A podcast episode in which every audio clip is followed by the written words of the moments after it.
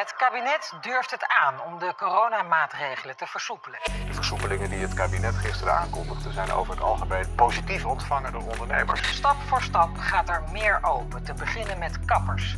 Daarna volgen terrassen, restaurants, bioscopen en campings. Vliegtuigmaatschappij Air France KLM heeft over de eerste drie maanden van het jaar een recordverlies van 1,8 miljard euro geleden. Dit is de fase waarin we de overgang moeten maken naar die anderhalve meter samenleving. Welkom bij de 32e aflevering van de serie Ondernemen in tijden van corona.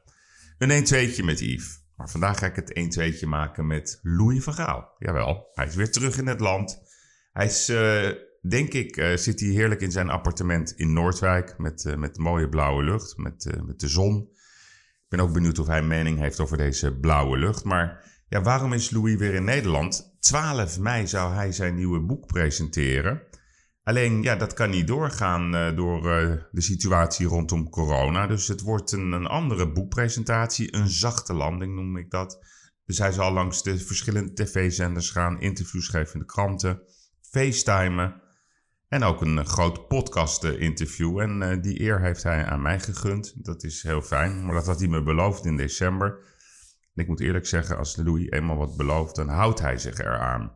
Ik heb het boek gelezen. Het is fascinerend materiaal geschreven door Robert Heukels, die ook zijn eerdere biografie heeft geschreven. Maar dit keer zijn het de anderen die spreken, van Heunes tot Rooney, van Rijkaard tot Ronald de Boer en nog heel veel anderen. En het gaat over ja, eigenlijk zijn hele leven. Zijn leven bij uh, Bayern, bij Barcelona, bij United, Oranje, Ajax, zijn jeugdjaren.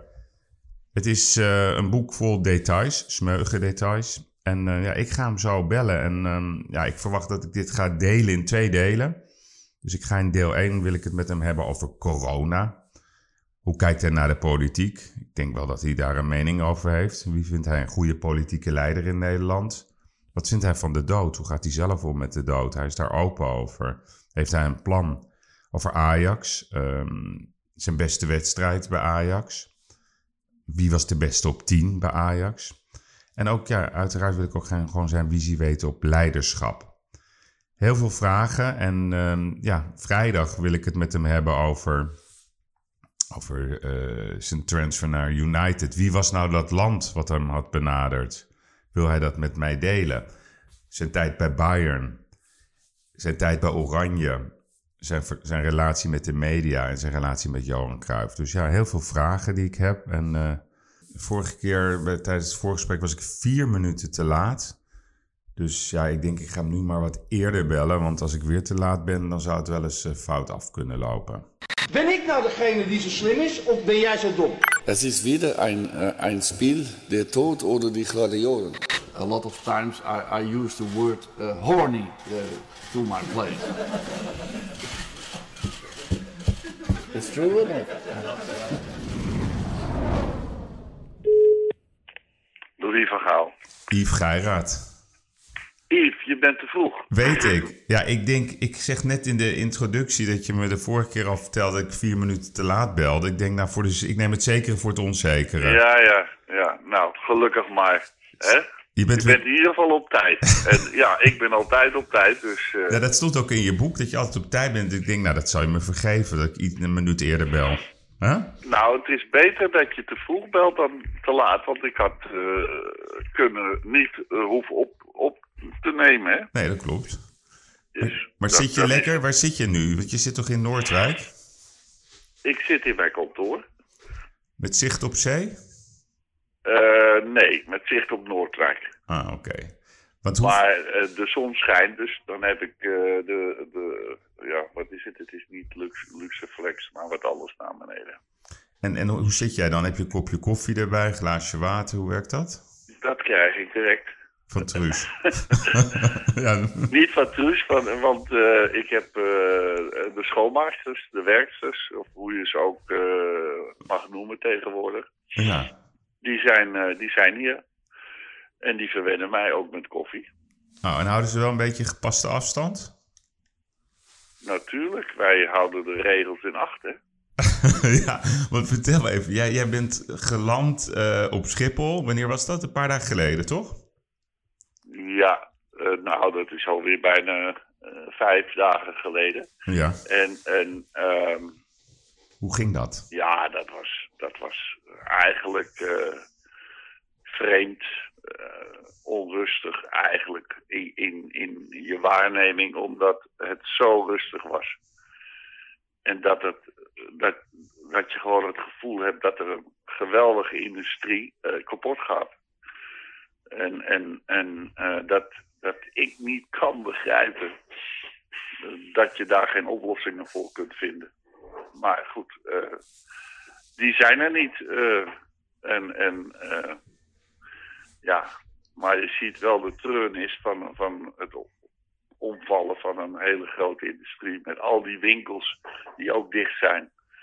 En dat je in je eentje daar loopt. En dat je van terminal 1 naar terminal 3 moet lopen.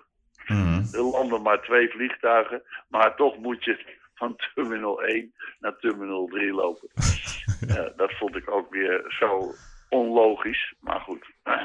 Maar hoe, jij bent een man van oplossingen, dus, dus jij denkt daarover na. Hoe, hoe, hoe zie jij dat, dat, die, dat hele tijdperk van corona? Want je, je bent in Portugal, je komt in Zwitserland, je bent in Nederland. Wat, wat is jouw kijk op dit eh, grote probleem? Ja, het is natuurlijk een, een eh, dilemma. Dat begrijp ik ook wel. Oh, eh, het is natuurlijk ook zo dat eh, deze griepvirus veel overledenen telt. Dus heel veel verdriet. Maar de overledenen, die zijn meestal oud. En de griep of het coronavirus tast niet de jeugd aan of, of het werkende gedeelte. Dus ik denk dat, dat je niet alleen de oplossingen moet gaan vinden bij eh, eh, het medische dossier, maar ook bij het economische dossier. Want als direct al die industrieën omvallen, dan eh, is er voor het jonge volk, het werkende gedeelte, is er geen werk meer. En, en, en dat zou nog catastrofaler zijn als eh, de, degenen die nu zijn overleden eh, aan het coronavirus. Hmm. Maar wat jij... en, en dat wordt helemaal onderbelicht. De premier laat zich alleen maar voorlichten door het I, eh, of RIVM. ja. Ja, dat, zijn, dat zou ik ook altijd eh, doen. Eh, als coach heb ik ook allerlei experts altijd geraadpleegd. Maar je moet natuurlijk wel een beslissing nemen. Hmm. eh, op grond van die eh, mening van die experts. En die hoeven niet altijd hetzelfde te zijn. Althans, dat was in mijn geval ook niet altijd zo. Nee, maar als je dan... Kijk, want dat RIVM, dat is zeg maar eh, in eerste instantie de enige partij die het kabinet adviseert. Dus als je zes advocaten in een, in een ruimte zet... en dan is het eind van de avond is het nieuwe algemene voorwaarden. Ik toch wil ik van jou weten, hoe zou jij dit dan aanpakken? Want aan de ene kant, de eerste fase denk ik dat het goed was. Hè? Dat het RIVM eh, heel Nee, duidelijk... dat, eh, Nee, ik, ook ik denk dat het altijd goed is. Oké. Eh, dat heb ik net ook een beetje verwoord. Dat ik me altijd door experts liet voorlichten. Want je kan niet overal verstand van hebben. Maar de uiteindelijke beslissing is aan, aan de regering of de premier. Of, eh, maar die moet niet alleen gestoeld zijn op, in dit geval, de enige expert. En dat is dan het RIVM. Nee, je hebt ook economische experts. En eh, je hebt ook psychologen die eh, iets kunnen vertellen wat het met mensen doet als je ze opsluit in huis. En, en daar, eh, dan krijg je allerlei informatie tot je als, als regering of als premier. En, en eh, dan neem je een besluit. Hmm. En, en eh, dan is dat besluit niet alleen gebaseerd op één expert. Dat is een verbinding van heel veel experts. Hmm. En ja, en dan heb je het natuurlijk ongelooflijk moeilijk als premier of als regering. Maar je moet wel daarvoor bij aangenomen om de juiste beslissingen te nemen. En achteraf kan je pas zeggen of, of het een goede of een slechte eh, beslissing is geweest. Maar ja, op dit moment wordt alleen het RIVM gevolgd. Er, er zijn zoveel gebieden waar het coronavirus invloed op heeft. Ja, en dat, daarvoor moet je ook een oplossing voor vinden. Dat vind ik. En dat wordt op dit moment te weinig gedaan.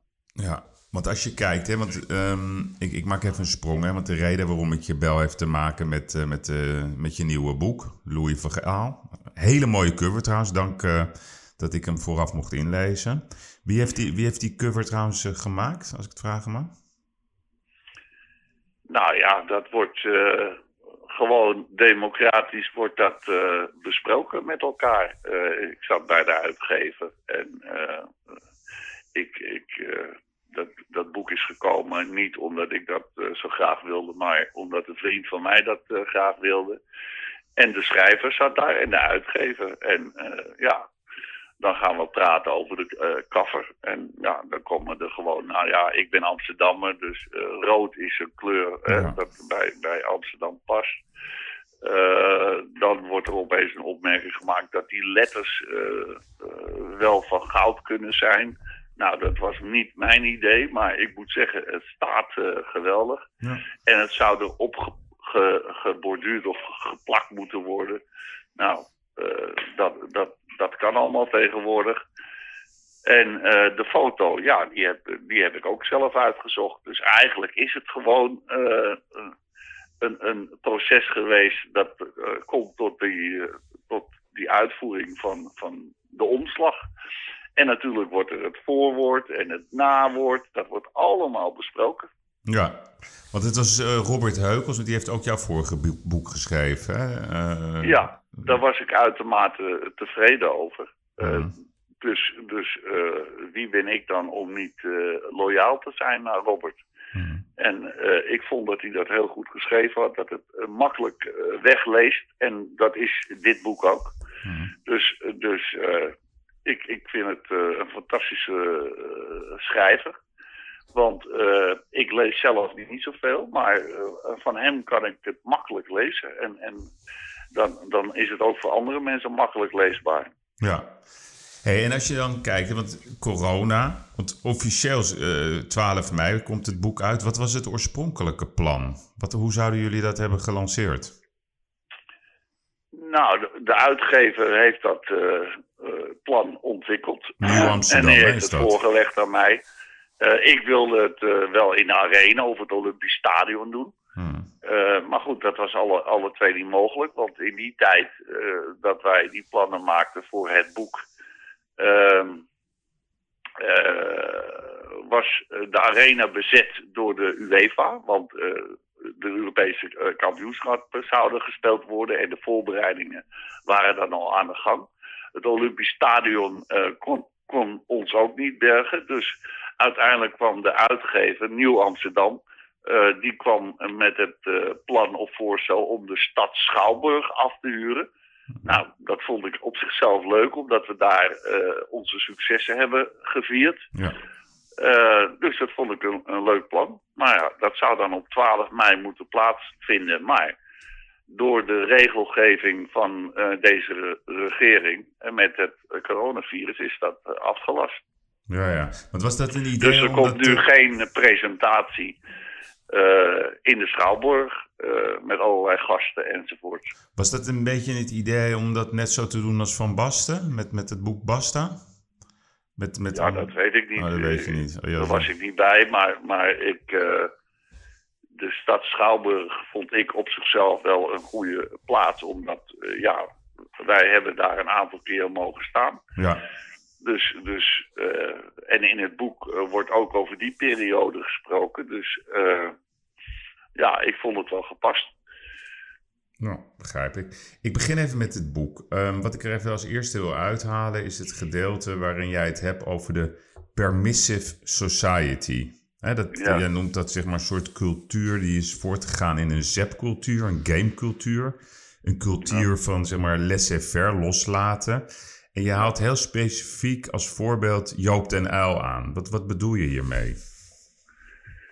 Nou, Joop den Uil die heeft uh, eh, toen ik eh, zeg maar studeerde, denk ik, eh, eh, jongvolwassene was, werd hij mijn minister-president. En ik vond dat, dat hij altijd de andere kant op keek. Hij had altijd twee kanten. En, en dus met andere woorden, er was regelgeving, maar die werd niet gehandhaafd. Maar handhaven van regels is enorm belangrijk, helemaal met mensen, omdat van nature mensen zwak zijn in de discipline. En eh, ja, dan noem ik het laissez-faire. Eh. Laat me gaan. Wordt niet gehandhaafd. Ja, dan krijg je ook eh, niet dat men de regels eh, strikt gaat naleven. Maar in sport, en zeker in het veld, met tegenstanders erbij, ja, dan moet je wel op tijd komen. Moet je wel op tijd de bal vragen of op tijd de pas geven. Want anders eh, eh, ga je geen doelpunten maken. Hmm. En hetzelfde geldt met verdedigen. Dus als jij in de maatschappij op een andere manier wordt opgeleid of opgevoed, ja, dan is het voor eh, de, de trainer en de spelers zelf, die uit die maatschappij komen, veel moeilijker om op tijd te komen, zeg maar in het veld, dan, eh, dan als je strikte regels hebt en dat er ook gehandhaafd eh, wordt. Ja, maar toen was je twintiger, hè? Ongeveer, neem ik aan. Ja, toen dat de- ik. Ja. Jongvolwassen, ik studeerde. Oh, ja, ja. Nee, want ik zou een grappig verhaal vertellen. Hij woonde in Buitenveldert en ik was, nou, ik denk 12 of zo. En wij gingen altijd eh, belletje trekken bij Joop en Liesbeth. Die woonden op de hoek. Nou, en ja, dat deden we toen in die tijd. En dan werd hij Ja. zo boos. Dus als het zijn huis betrof, nou, dan kwam hij naar buiten stormen. En dan ging hij schreeuwen tegen ons dat we geen regels hadden en geen respect. Dus dat is wel een beetje tegenstrijdig eigenlijk. Met, met, met, met de visie hoe Van Ga of eh Den Uyl het, zeg maar, het land eh, bestuurde. Ja, dat was eh, in grote eh, tegenstelling, Ja. vind ik. Ja, Eh, maar goed, nu betrof het hem zelf. Dat is altijd anders, hè? ja, Reageren mensen anders, altijd anders. ja. Als, je, als het jezelf bet- betreft. Dus daar sta ik niet van te kijken.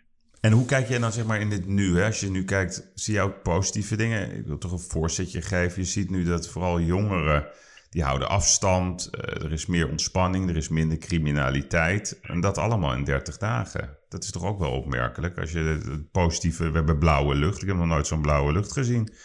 Is dat verklaarbaar? Nou ja, eh, je krijgt altijd eh, actie-reactie. Hmm. Dat is ook in de natuur zo, maar dat is ook zo in de maatschappij. Dus, dus wie weet zitten we nu in een, een positieve periode. En het heeft ook met het coronavirus te maken, want eh, twee maanden geleden eh, zagen de mensen de medemensen helemaal niet staan. Ja, en nu precies. helpen we elkaar Ja. daarmee. Ja. Dus, dus eh, ik denk dat het coronavirus eh, in ieder geval heel veel invloed zal hebben op eh, de mens en zijn omgeving en vooral in het gedrag. Maar of dat eh, stand houdt, dat, dat, dat is de vraag natuurlijk. ja, want heb jij vertrouwen in... eh, Ik bedoel, op wie stem jij normaal gesproken? Ben je daar open over? Nou, ik heb de laatste jaren al niet meer gestemd omdat ik eh, eh, in Portugal woon. En dus, dus ja, het probleem is dat je dan heel veel dingen moet doen om te kunnen stemmen. Hmm. Dus, en en ik, wij wonen in Portugal, dus, dus dat is problematischer om dan te stemmen. Maar als ik eh, had moeten stemmen, dan wa- was zeker in de, eh, zeg maar de eerste periode dat eh, Rutte opkomt, zou ik voor- op Rutte gestemd hebben. Hmm. Maar ik vind dat Rutte toch wel eh, aardig wat fouten heeft gemaakt eh, in, in de afgelopen periode. En eh, ik zou nu meer eh, naar eh, eh, figuren als Segers gaan. Ja. Eh, omdat ik die oprecht vind en eh, consequent vind. En eh, die communiceert ook wanneer, wanneer hij tegen zijn principe in toch meestemt.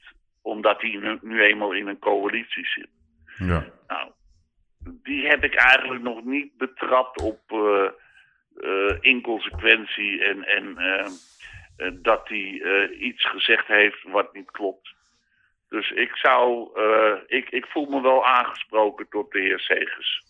Want, po- want politiek, eh, hoe jij, ik bedoel even, we hebben natuurlijk een beetje een keer, hoe lang, ik weet niet hoe lang geleden dat was, toen waren we in Lauswold eh, op een mooie bijeenkomst. En toen zijn we gaan golfen. Toen had jij, best wel stond je onder druk bij AZ, kan ik me nog herinneren.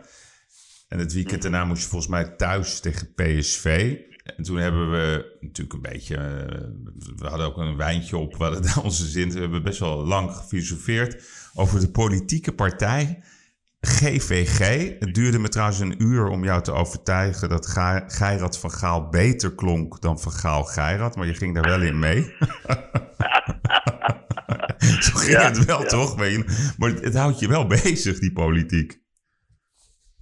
Nou ja, het, interesseert me wel. Maar ik, ik, eh, ik, ik eh, vind dat kernwaarden heel belangrijk zijn. Eh, en, en zeker ook in de politiek, maar ook zeker als coach in een voetbalclub.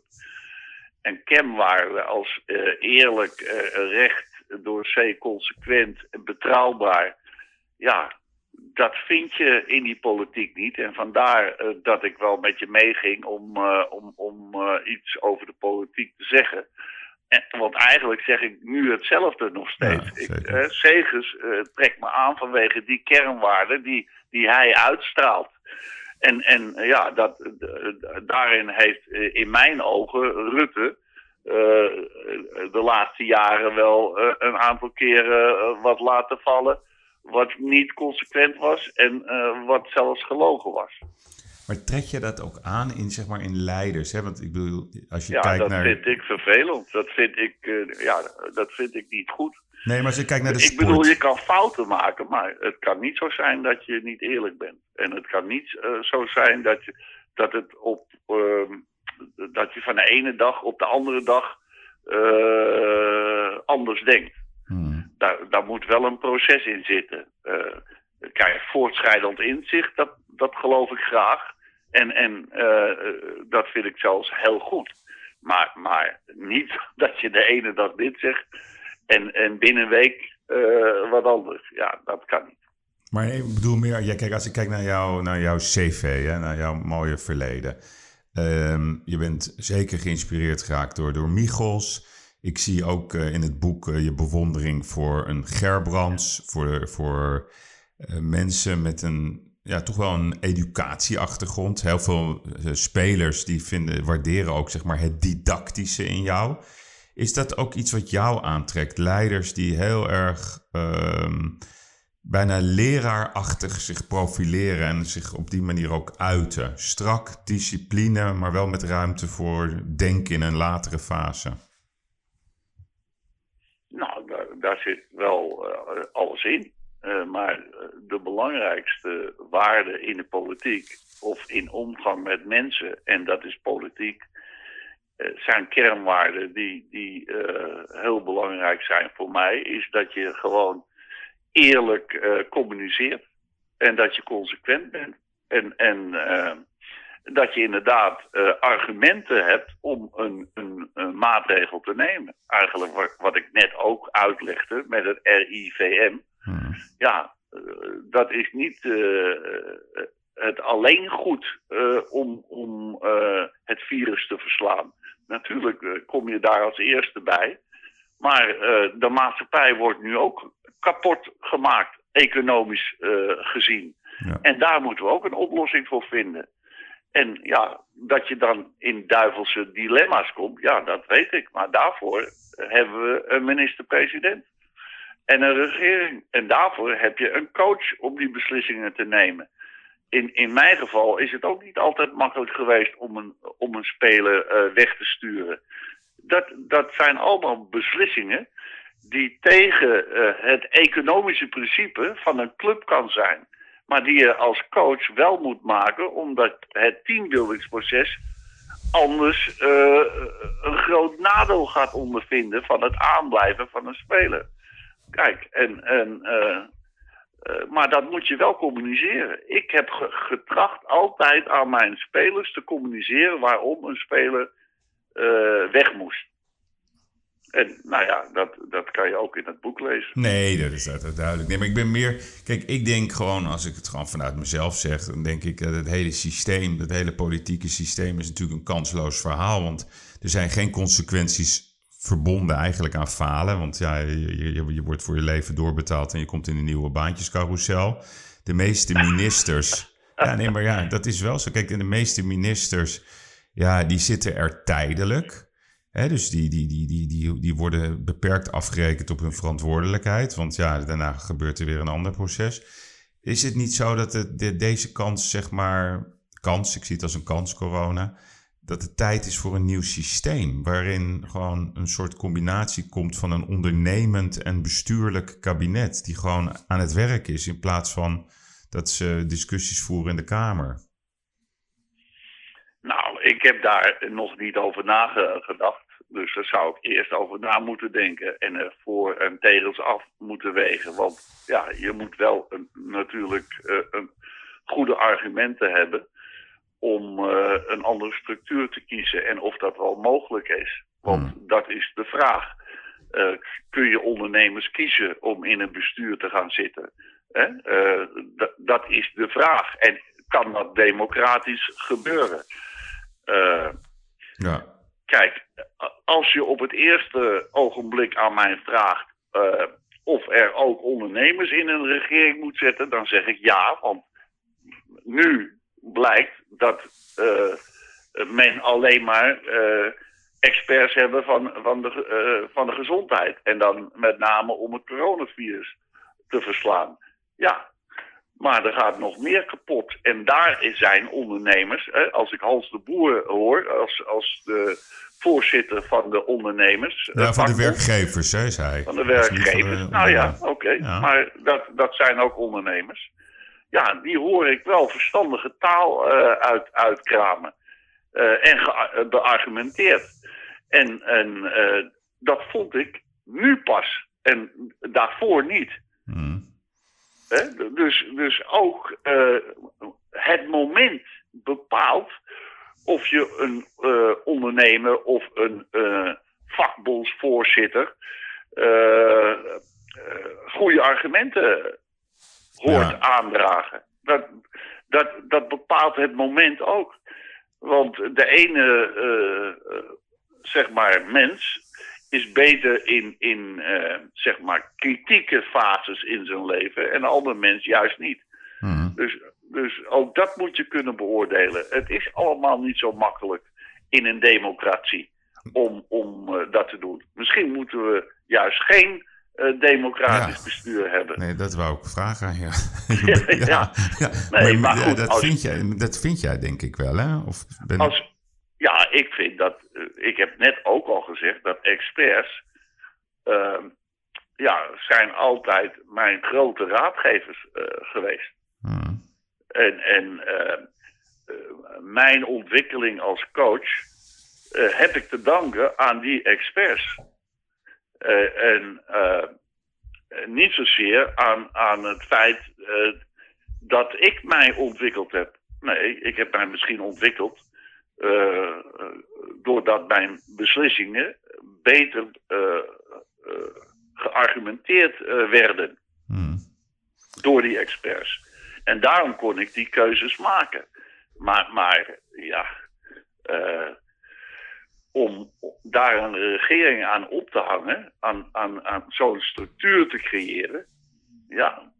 En, en dat de mensen het gevoel hebben van binding.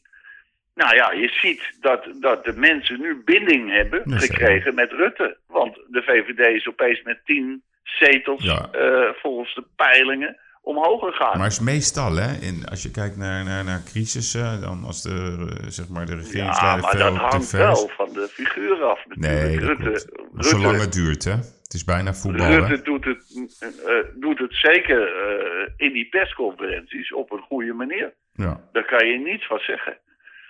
Nee, dat klopt. Alleen, uh, vind jij trouwens dat, uh, dat wij een minister van Sport zouden moeten hebben? Want nu zie je dat, dat eerst Bruins, die is omgevallen, daarna Van Rijn. Die doen eigenlijk een portefeuille gezondheid en sport. Moet sport niet gewoon een aparte uh, ministerpost zijn? Nou, dat dat, dat geldt zeker voor gezondheid. Ja, nee, denk ik. dus dat Meer is, eh, voor gezondheid dan voor sport nog. Ja, ja. Nou ja, Omdat eh, sport een bijzaak is, dat vind ik eh, ook wel een hele belangrijke bijzaak. Maar, maar, maar sport of eh, gezondheid is het belangrijkste goed. maar dat hangt toch samen? Maar niet het Sport. enige goed, ik blijf het maar herhalen. Niet het enige goed, maar het grootste goed is gezondheid. Dus de gezondheid en de voorwaarden creëren om eh, gezond te blijven Ja, is zo belangrijk. Dus ja, ik vind het ongelooflijk, ongelooflijk dat daar niet een eh, aparte minister voor wordt benoemd. ja. Want ja, eh, je kan er toch ook niet onderuit dat we nog niet voorbereid waren om zo'n crisis Nee, te dat bestrijden. is, dat is wel duidelijk Dus, inmiddels. ja, nee, daar ja, zijn we het wel over eens. Daar is volgens mij iedereen het wel over eens. Nee, maar sport, jij zegt sport is... Topsport is misschien een bijzaak, maar sport is toch geen bijzaak? Ik bedoel, als je ziet wat dat met de gezondheid doet, dat mensen niet sporten, iedereen eh, eh, wordt eh, meer kilo's, ze bewegen niet. Ik bedoel meer het, gewoon het sporten aan zich. Dat is toch de Ja, ik belangrijkste vind wel hoofdzaak? dat het eh, eh, eh, eh, belangrijk is en Ja. eh, dat het ook invloed heeft eh, op eh, de gezondheid. Dus eh, het verdient ook een eigen minister. Maar in de afweging tussen gezondheid en sport vind ik gezondheid nog veel belangrijker. Ja, maar vaak was een gezegde slechte gezondheid ontstaat meestal door gebrek aan beweging. Dus ja, Ja, maar ook door andere vormen van. eh, klopt. eh, ja. Ja, hey, ik wil je iets. Ik ga even. Ik heb, ik, ik, ben, ik heb dat boek van jou met fascinatie gelezen. Want er staat een. Jij bent zo open over de dood. En we hebben het nu. eh, ja, het gaat heel veel over de dood. We krijgen elke dag dodencijfers te lezen. En de dood heeft, zeg maar, in jouw leven. eh, is dat ja, vaak voorgekomen. Ja, op jonge leeftijd. Je was zes. eh, verloor je je vader. Jij was, eh, als ik het goed heb begrepen, kom je uit een gezin van acht kinderen. Je hebt, Nee, alles wat je nu zegt, heb je, oh. heb je geen goed geheugen als je dat boek net gele- Oh, gelezen oh, hebt. ik was elf. Oh, sorry. Ik was elf toen mijn vader overleed. Want Ja, oh, met zes werd hij ziek. Oh, dus ziek, ja, excuus. Ja, ja, ja. Ja, Weer- ja, ja, je hebt me weer goed En gecorrigeerd. eh, ik kom uit een gezin van negen kinderen. Oké, ja, en niet acht. Oké. Maar op je 39ste, ik hoop dat ik het nu wel eens goed zeg, ehm, overleed jouw vrouw Fernanda. En in het boek eh, zeg jij eh, dat je heel uitgebreid gesproken hebt met je, met je kinderen, met je familie, misschien ook met je vrienden, over hoe ehm, jij het leven wil beëindigen. Dat wil je regisseren, zeg je ook. Ehm, euthanasie, het staat er niet zo letterlijk, maar indien nodig. Ehm, je bent daar zo open over. Kan je me dat uitleggen? Hoe, hoe, je, hoe je dat kan eigenlijk? Ik vind dat moeilijk. Ja, maar ik ben iemand die altijd vooruit denkt. Hm. En, en, eh, en dit vooruitdenken, dat heeft te maken dat ik 68 ben, dat de kans groot is dat ik eh, binnen 10 jaar eh, overlijd. En, en daar moet je mee bezig zijn, om, omdat je je gedachten ontwikkeld. En zeker ik heb dat, omdat ik het al zo vaak heb meegemaakt dat ik afscheid heb moeten eh, nemen aan mensen die mij eh, heel dicht eh, bijstaan. En, en die ik lief heb. Ja, en als, als dat op de een of andere manier niet goed is gegaan, dan ga je bedenken hoe je dat veel beter kan doen. Want dat hoor je ook nu bij het coronacrisis. Dat men geen afscheid kan nemen van hun, hun geliefden dat dat zo erg is en dat het als zo vreed wordt eh, ervaren, ja, dat heb ik ook zo ervaren. En daarom, eh, omdat ik er zo dichtbij ben en, en omdat ik het ervaren heb als, als zijnde dat het heel slecht is als je geen afscheid kan nemen van elkaar. Hm. Ja, daarom moet je het regelen. En helemaal in een land als Nederland, omdat het niet zo gemakkelijk is om dat te regelen. Hm. En je zegt dan, hè, want je zegt dat je erover na hebt gedacht. Maar hoe zie, hoe zie je dat? Want gaat het zo ver dat je zegt: ik wil sterven in Portugal of in Nederland of ik wil sterven in, in Zwitserland? Gaat dat zo gedetailleerd? Want daar zeg je niks over. Nee, dat, eh, dat is niet zo. Je sterft eh, waar je op dat moment bent. Hm. En dat maakt me niet zoveel uit of dat Nederland is, of, of eh, Zwitserland of Portugal, want ik voel me daar thuis. Dus eh, eh, ik ben vaak in Portugal, dus eh, de, de kans dat ik in Portugal overlijd is, is, is groter eh, dan bijvoorbeeld in Zwitserland, omdat ik daar minder ben. Maar, en in Nederland is, het- is het ook minder, maar weer meer dan Zwitserland. Dus nee, dat, dat, is, dat is niet belangrijk. Belangrijk is dat je afscheid kan nemen van, van, van je geliefde. En ja, dat is in mijn geval mijn vrouw en mijn kinderen en mijn kleinkinderen. Ja, dat vind, ik- dat, dat vind ik dat dat eh, wel op een goede manier moet gebeuren. En, en dat eh, mijn kinderen en ik het niet meer gaan meemaken wat we hebben meegemaakt met, eh, met hun moeder en mijn vrouw. En, en, en heb jij dan een voorkeur voor crematie? Of zeg je van nee, ik wil. Ja, ik heb ook eh, voorkeur voor crematie. Ja, ja. Want ik wil niet eh, dat mijn kinderen en kleinkinderen aan mijn eh, graf staan. ja, ja. Dat zie ik helemaal niet zitten. Laat, laat zij mij maar herinneren in mijn beste momenten. Dat, dat vind ik belangrijk. Ja, en dus dat betekent ook dat als jij eh, zeg maar op een heel heftig ziektebed zou terechtkomen, hè, laat vooral afkloppen dat dat nooit zal gebeuren, hè, in- tot 120 jaar om mijn, zeggen ze wel eens. Ehm, Zou dat dan betekenen dat jij dan zelf de call wil hebben? Dat je zegt, ik vind het nu genoeg geweest. Is dat wat je bedoelt? Ja, Ja, ja. Je wilt niet dat ze jou helemaal ja, Nee. ge- gekleineerd zien. Gewoon in je kracht blijven onthouden. ja, dat wil ik, ja. Maar dat, is dat ook iets wat heel erg typisch jij, jij is? Dat je graag wil ook dat mensen... Nou, dat is waarschijnlijk zo, omdat ik eh, ook als coach eh, eh, ben ik altijd innovatief geweest. Dus altijd vooruitdenken, altijd eh, eh, of het nog beter kan om, om je spelers te, te begeleiden.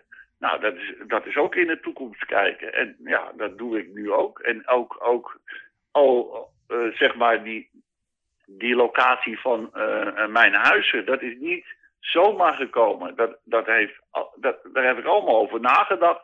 Hoe ik met Truus oud wil worden. Ja.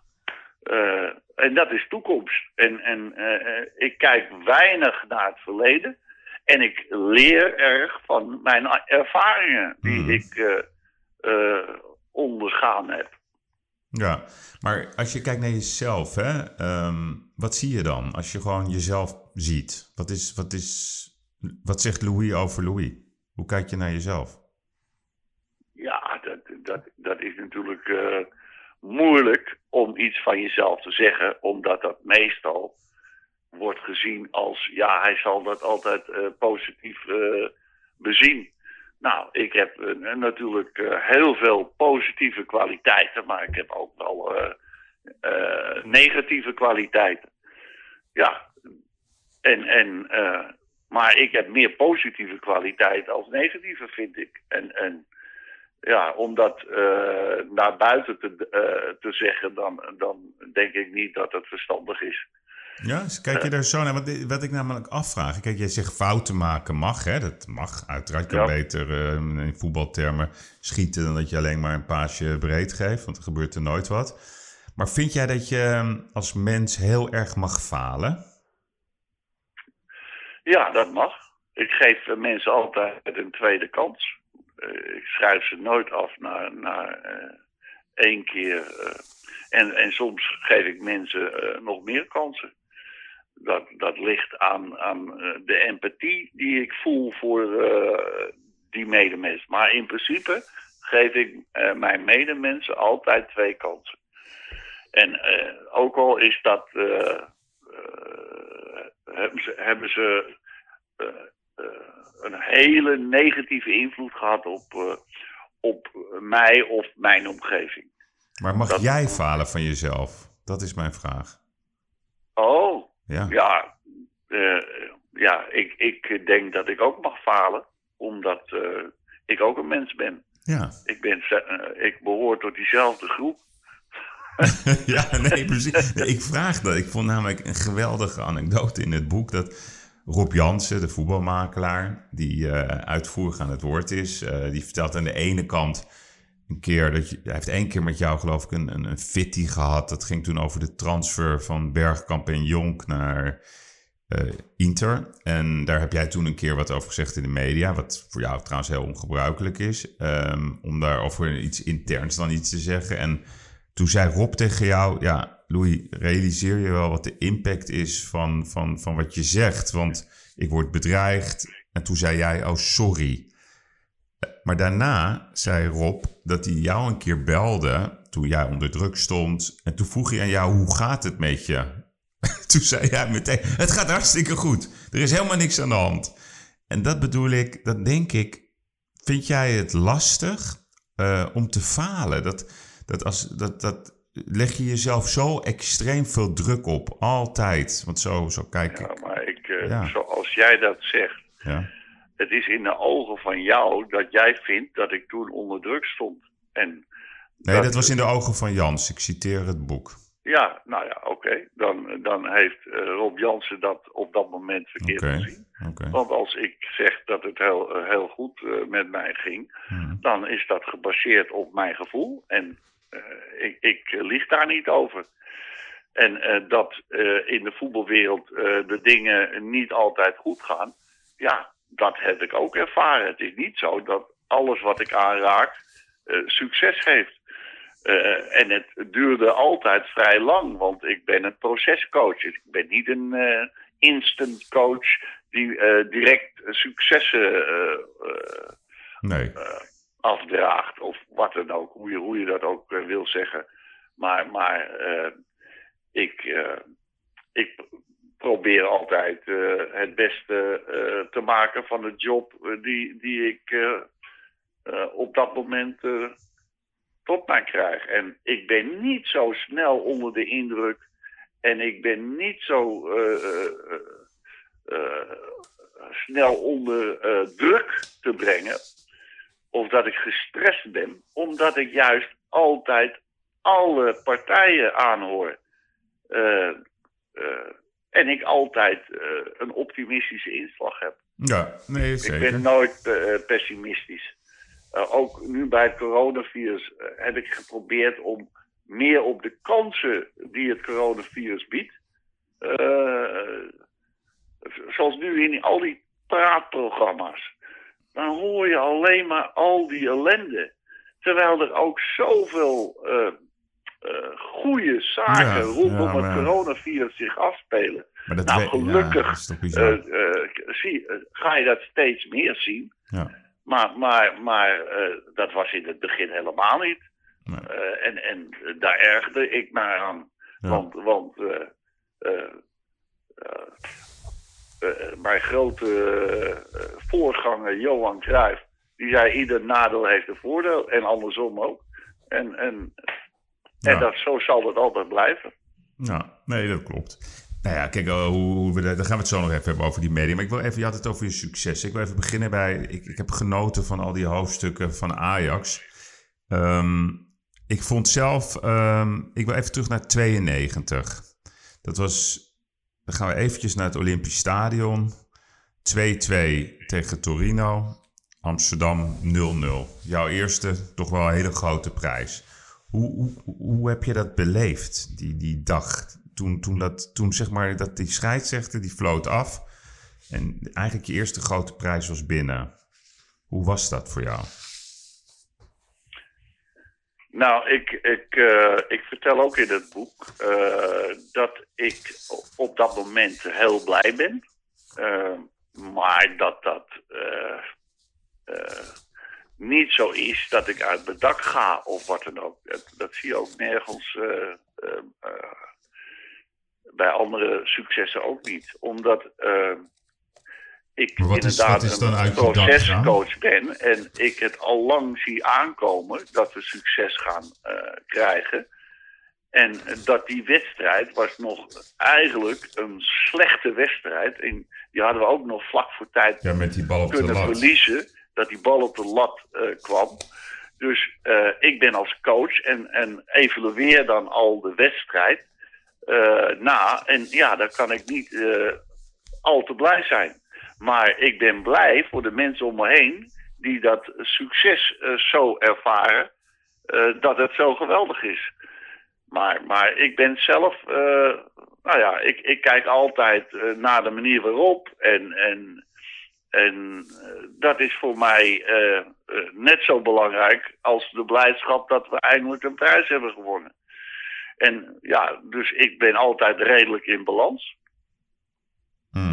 Maar kijk, in 92, hè, dat, dat, dat was, vond ik al een beetje, ja, ik zou het maar zo noemen, een systeem van Gaal met een centrum, blind, jonk als as. De Boer, Siloy, veel teamplayers zoals Rob Alflen, Michel Kreek. Is, is dat het moment zeg maar, dat jouw methode gaat werken? Dat je, dat je zeg maar, die ideale mix van hoe jij een elftal ziet ehm, bij elkaar hebt? Nee, want die heb ik op dat moment niet. eh, Nee. Nee, die had ik op dat moment niet. De ideale mix eh, is, is pas later ontstaan na, na het vertrek van eh, Bergkamp en Jonk. Hoe, hoe gek het ook klinkt. Dat zijn geweldige voetballers. Maar eh, die brengen ook wel hun nadelen mee op die posities. En later blijkt dat met de komst van een Fin uit, uit, hè, eh, Ja, Liedmanen. eh, uit, uit een divisie waar ze niet op het hoogste ni- niveau spelen. Die moet, nog een jaar moet wennen ah, om eh, in AS1 te spelen. Eh, en Rijkaard, de balans in het elftal, eh, veel beter werd als met Jonk en, en, en, en, en Bergkamp. En daardoor konden we zelfs de Champions League winnen. En daardoor konden we een, in één seizoen ongeslagen doorkomen, zo'n beetje. Behalve tegen Feyenoord. Ja, kijk, het eerste jaar, dat, dat, dat is passen en meten. Eh, spelers eh, eh, laten merken dat ze naar een andere club moeten uitkijken. Andere jeugdspelers inpassen. Dat, dat, het eerste jaar is altijd ongelooflijk moeilijk. En het had ook, ook maar weinig gescheeld of ik was ontslagen geweest. Althans, zo heb ik dat gevoeld toen. Ja. Eh, eh, maar gelukkig eh, wonnen we uit tegen Osasuna. En gingen we door naar, naar de volgende ronde in de Europa Cup. Want in de competitie ging het niet zo goed. En in de beker waren we ook redelijk snel uitgeschakeld in het eerste jaar. Dus, Ja. dus eh, die, die, die UEFA-beker hadden we echt wel nodig. Ja. Want in het eerste jaar werd ik ook eh, belaagd met allerlei spreekkoren in het stadion. Ja. Deed je dat pijn? Want toen werd je echt aangepakt. ja, dat weet ik nog dat- goed. tuurlijk. Want ik ben een, een gevoelig, emotioneel mens. Dus dat, dat doet je ongelooflijk veel pijn. Maar kan, Ja. kan Louis van Gaal ook huilen eh, in de auto? Als, als hij dan ja, naar dat, huis eh, rijdt? Ja. dat, dat kan ik zeker. ja? Ja? Doe je dat wel eens dan, dat je, als je alleen bent? Wie, wie belt jou? Nou, Wie- dat ik doe ik niet het- alleen als ik een alleen ben. Dat doe ik ook eh, als ik eh, gewoon met, met andere mensen ben. Dat maakt me niet zo veel uit hoor, om mij kwetsbaar op te stellen. Zit iemand, ja, iemand heeft jou nodig of zo, lijkt het op de achtergrond? Ja, maar goed, die laat ik gewoon. Oh, die gaan. laat je gaan, die laat je. Nee, maar ik, ik, ik vraag me dat af. Dat, je werd toen zo aangepakt, weet ik nog, eh, zeg maar in die periode. En dat was inderdaad net op het randje. Eh, F-site was natuurlijk heel aanwezig. Eh, misschien had je nog Ja. niet de credits hè, eh, die, die je nu wel hebt. Maar ik, ik meen het serieus. Wat doet dat met je? Dat, dat als je zo gigantisch op allerlei manieren wordt aangepakt en je rijdt dan... Uiteindelijk rijdt iedereen naar huis, hè? En die gaat ook gewoon eh, slapen en eh standen Ja. poetsen 's ochtends. Nou goed, eh, dat, dat heb ik net gezegd, dat over het algemeen eh, ik eh, daar heel goed tegen kan. Omdat ik dat eh, een plaats kan geven, omdat ik eh, daarover na kan denken en, en eh, weet eh, waarom het komt. Eh, althans, over het algemeen wist ik dat. Maar in dat eerste jaar, eh, als Rob Jansen toen langs was gekomen, dan had hij een ander antwoord gekregen waarschijnlijk. Ja, ja. Omdat, omdat ik toen, omdat het mijn eerste job was op het hoogste niveau, wel erg onder druk heb gelegen. En niet alleen, niet zozeer van het bestuur, maar wel eh, vanuit eh, de fans en, en de media. ja. En eh, ja, die zijn heel belangrijk. Want eh, eh, het is eh, niet zo vreemd dat besturen eh, naar die druk eh, ook luisteren. Ja, morgen gaan we verder met, eh, met deel 2. Opmerkelijke uitspraak. Is Rembrandt beter dan Van Gogh? Wat was nou die waarschuwing van Michels toen Van Gaal naar Barcelona ging? En wat deed Levy, de voorzitter van Tottenham Hotspur, in de achterbank in het appartementencomplex van Van Gaal? Heel veel smeuïge details en eh, morgen gaan we weer online. En ik zou zeggen, blijf het volgen.